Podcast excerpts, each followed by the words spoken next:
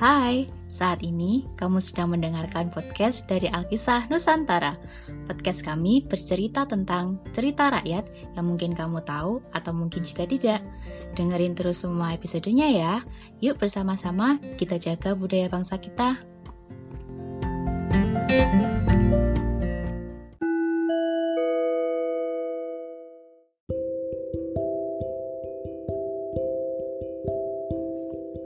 Halo, di episode kali ini, aku akan menceritakan kepada kalian cerita rakyat asal mula Danau Lipan dari Kalimantan Timur. Walaupun bernama Danau Lipan, tempat ini ternyata bukanlah seperti danau-danau yang memiliki cekungan besar penampungan air yang memiliki sumber mata air teman-teman, melainkan hanya berupa padang luas yang ditumbuhi oleh tanaman semak dan perdu. Wah, Semakin penasaran ya bagaimana asal-usul Danau Lipan ini bermula. Yuk, kita simak kisahnya.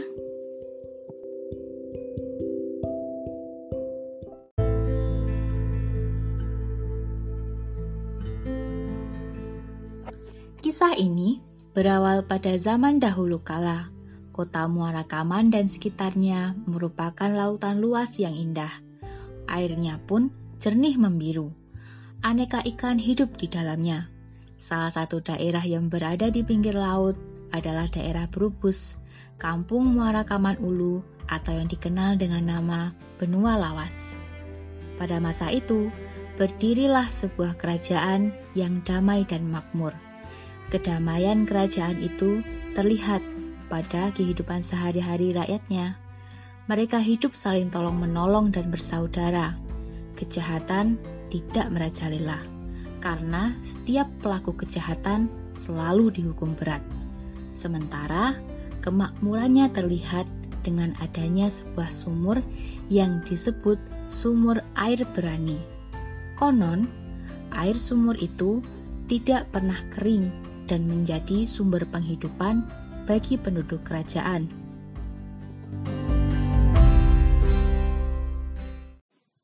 Kerajaan besar itu dipimpin oleh seorang putri yang bernama Putri Aji berdarah biru.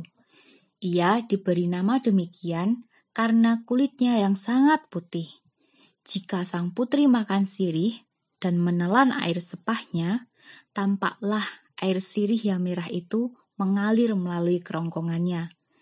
Keistimewaan lain yang dimiliki oleh Putri Aji berdarah biru adalah wajahnya yang nan cantik jelita, anggun pribadinya, dan penampilannya, dan bijaksana pula.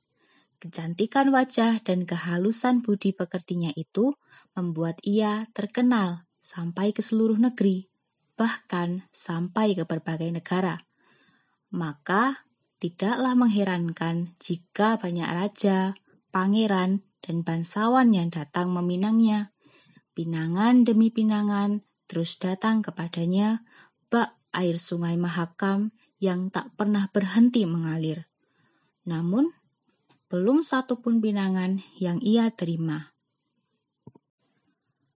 Mendengar tentang berita itu, Raja Cina penasaran ingin mengetahui apa keistimewaan Putri Aji berdarah putih.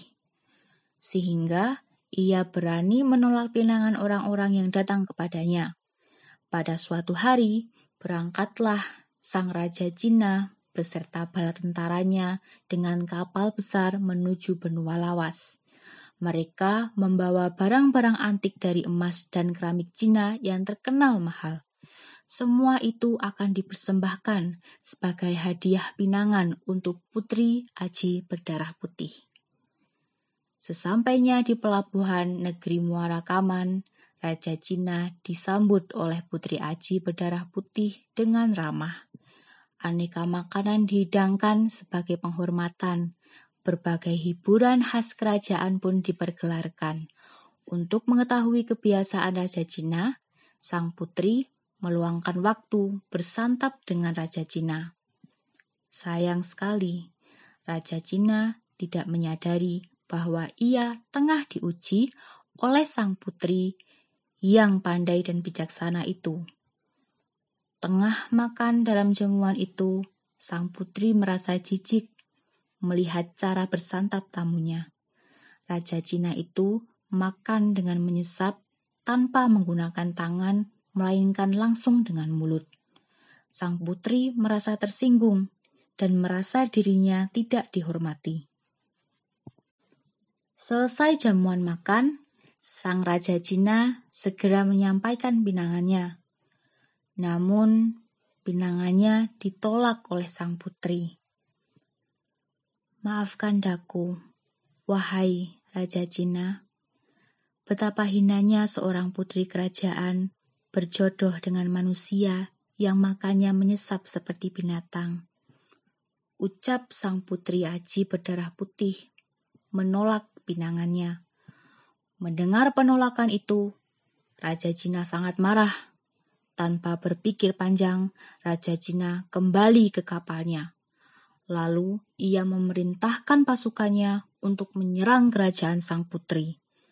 Perang sengit pun terjadi antara pasukan Cina melawan pasukan Putri Aji berdarah putih. Kedua pasukan tersebut berusaha membela kehormatan rajanya masing-masing. Pasukan Raja Cina sangatlah tangguh, sehingga bala tentara Putri Aji berdarah putih kewalahan menahan serangannya. Pasukan sang putri pun banyak yang berguguran dan terluka. Sang putri sangat sedih dan kebingungan.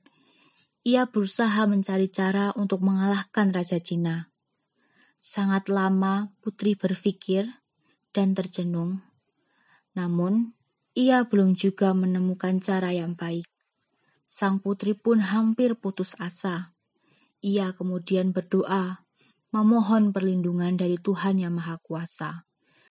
Selesai berdoa, sang putri segera memakan sirih seraya berucap, Kalau benar aku ini keturunan Raja Sakti, maka jadikanlah sepah-sepahku ini lipan-lipan yang dapat mengalahkan Raja Cina beserta seluruh bala tentaranya. Selesai berkata demikian, disemburkanlah sepah dari mulutnya ke arah arena pertempuran yang tengah berkecamuk itu. Atas kekuasaan Tuhan yang Maha Kuasa, dalam sekejap mata, ampas sirih sang putri berubah menjadi beribu-ribu lipan yang besar. Lalu dengan pengisnya, lipan-lipan yang panjangnya lebih dari satu meter tersebut menyerang pasukan Raja Cina yang sedang mengamuk sang putri sangat gembira menyaksikan pasukan Raja Cina lari tunggang langgang menuju kapal besarnya. Namun, meskipun mereka telah sampai di kapal besar, lipan-lipan tersebut tetap mengejar mereka karena telah dititahkan oleh sang putri untuk mengalahkan Raja Cina dan bala tentaranya. Beberapa ekor lipan raksasa terus mengejar sampai ke dalam air lalu membalikkan kapal besar Raja Cina. Tenggelamlah kapal besar tersebut beserta seluruh penumpangnya dan segala isinya. Setelah Raja Cina dan seluruh bala tentaranya tewas, Putri Aji berdarah putih pun hilang secara gaib. Bersamaan dengan lenyapnya sang putri, lenyap pula lah sumur air berani. Laut tempat kapal besar Raja Cina tenggelam, kemudian menjadi dangkal, menjadi sebuah daratan berupa padang luas yang ditumbuhi semak dan perdu. Kemudian, masyarakat setempat menyebutnya dengan nama Danau Lipan.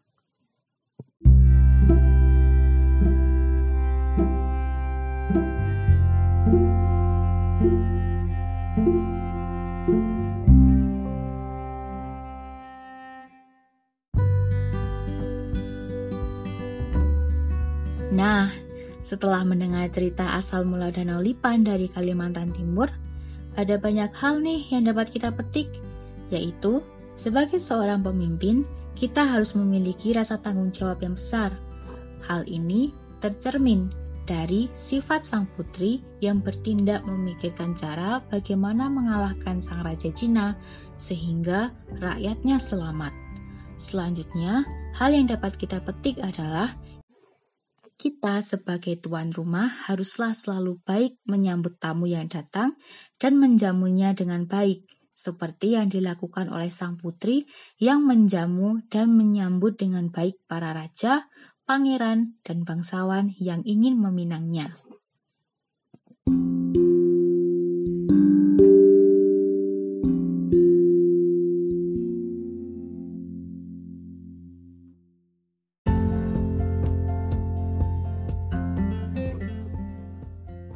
Tidak terasa ya, untuk episode kali ini cukup sampai di sini ya teman-teman.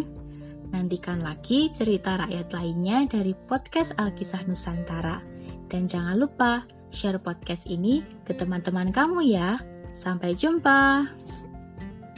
thank you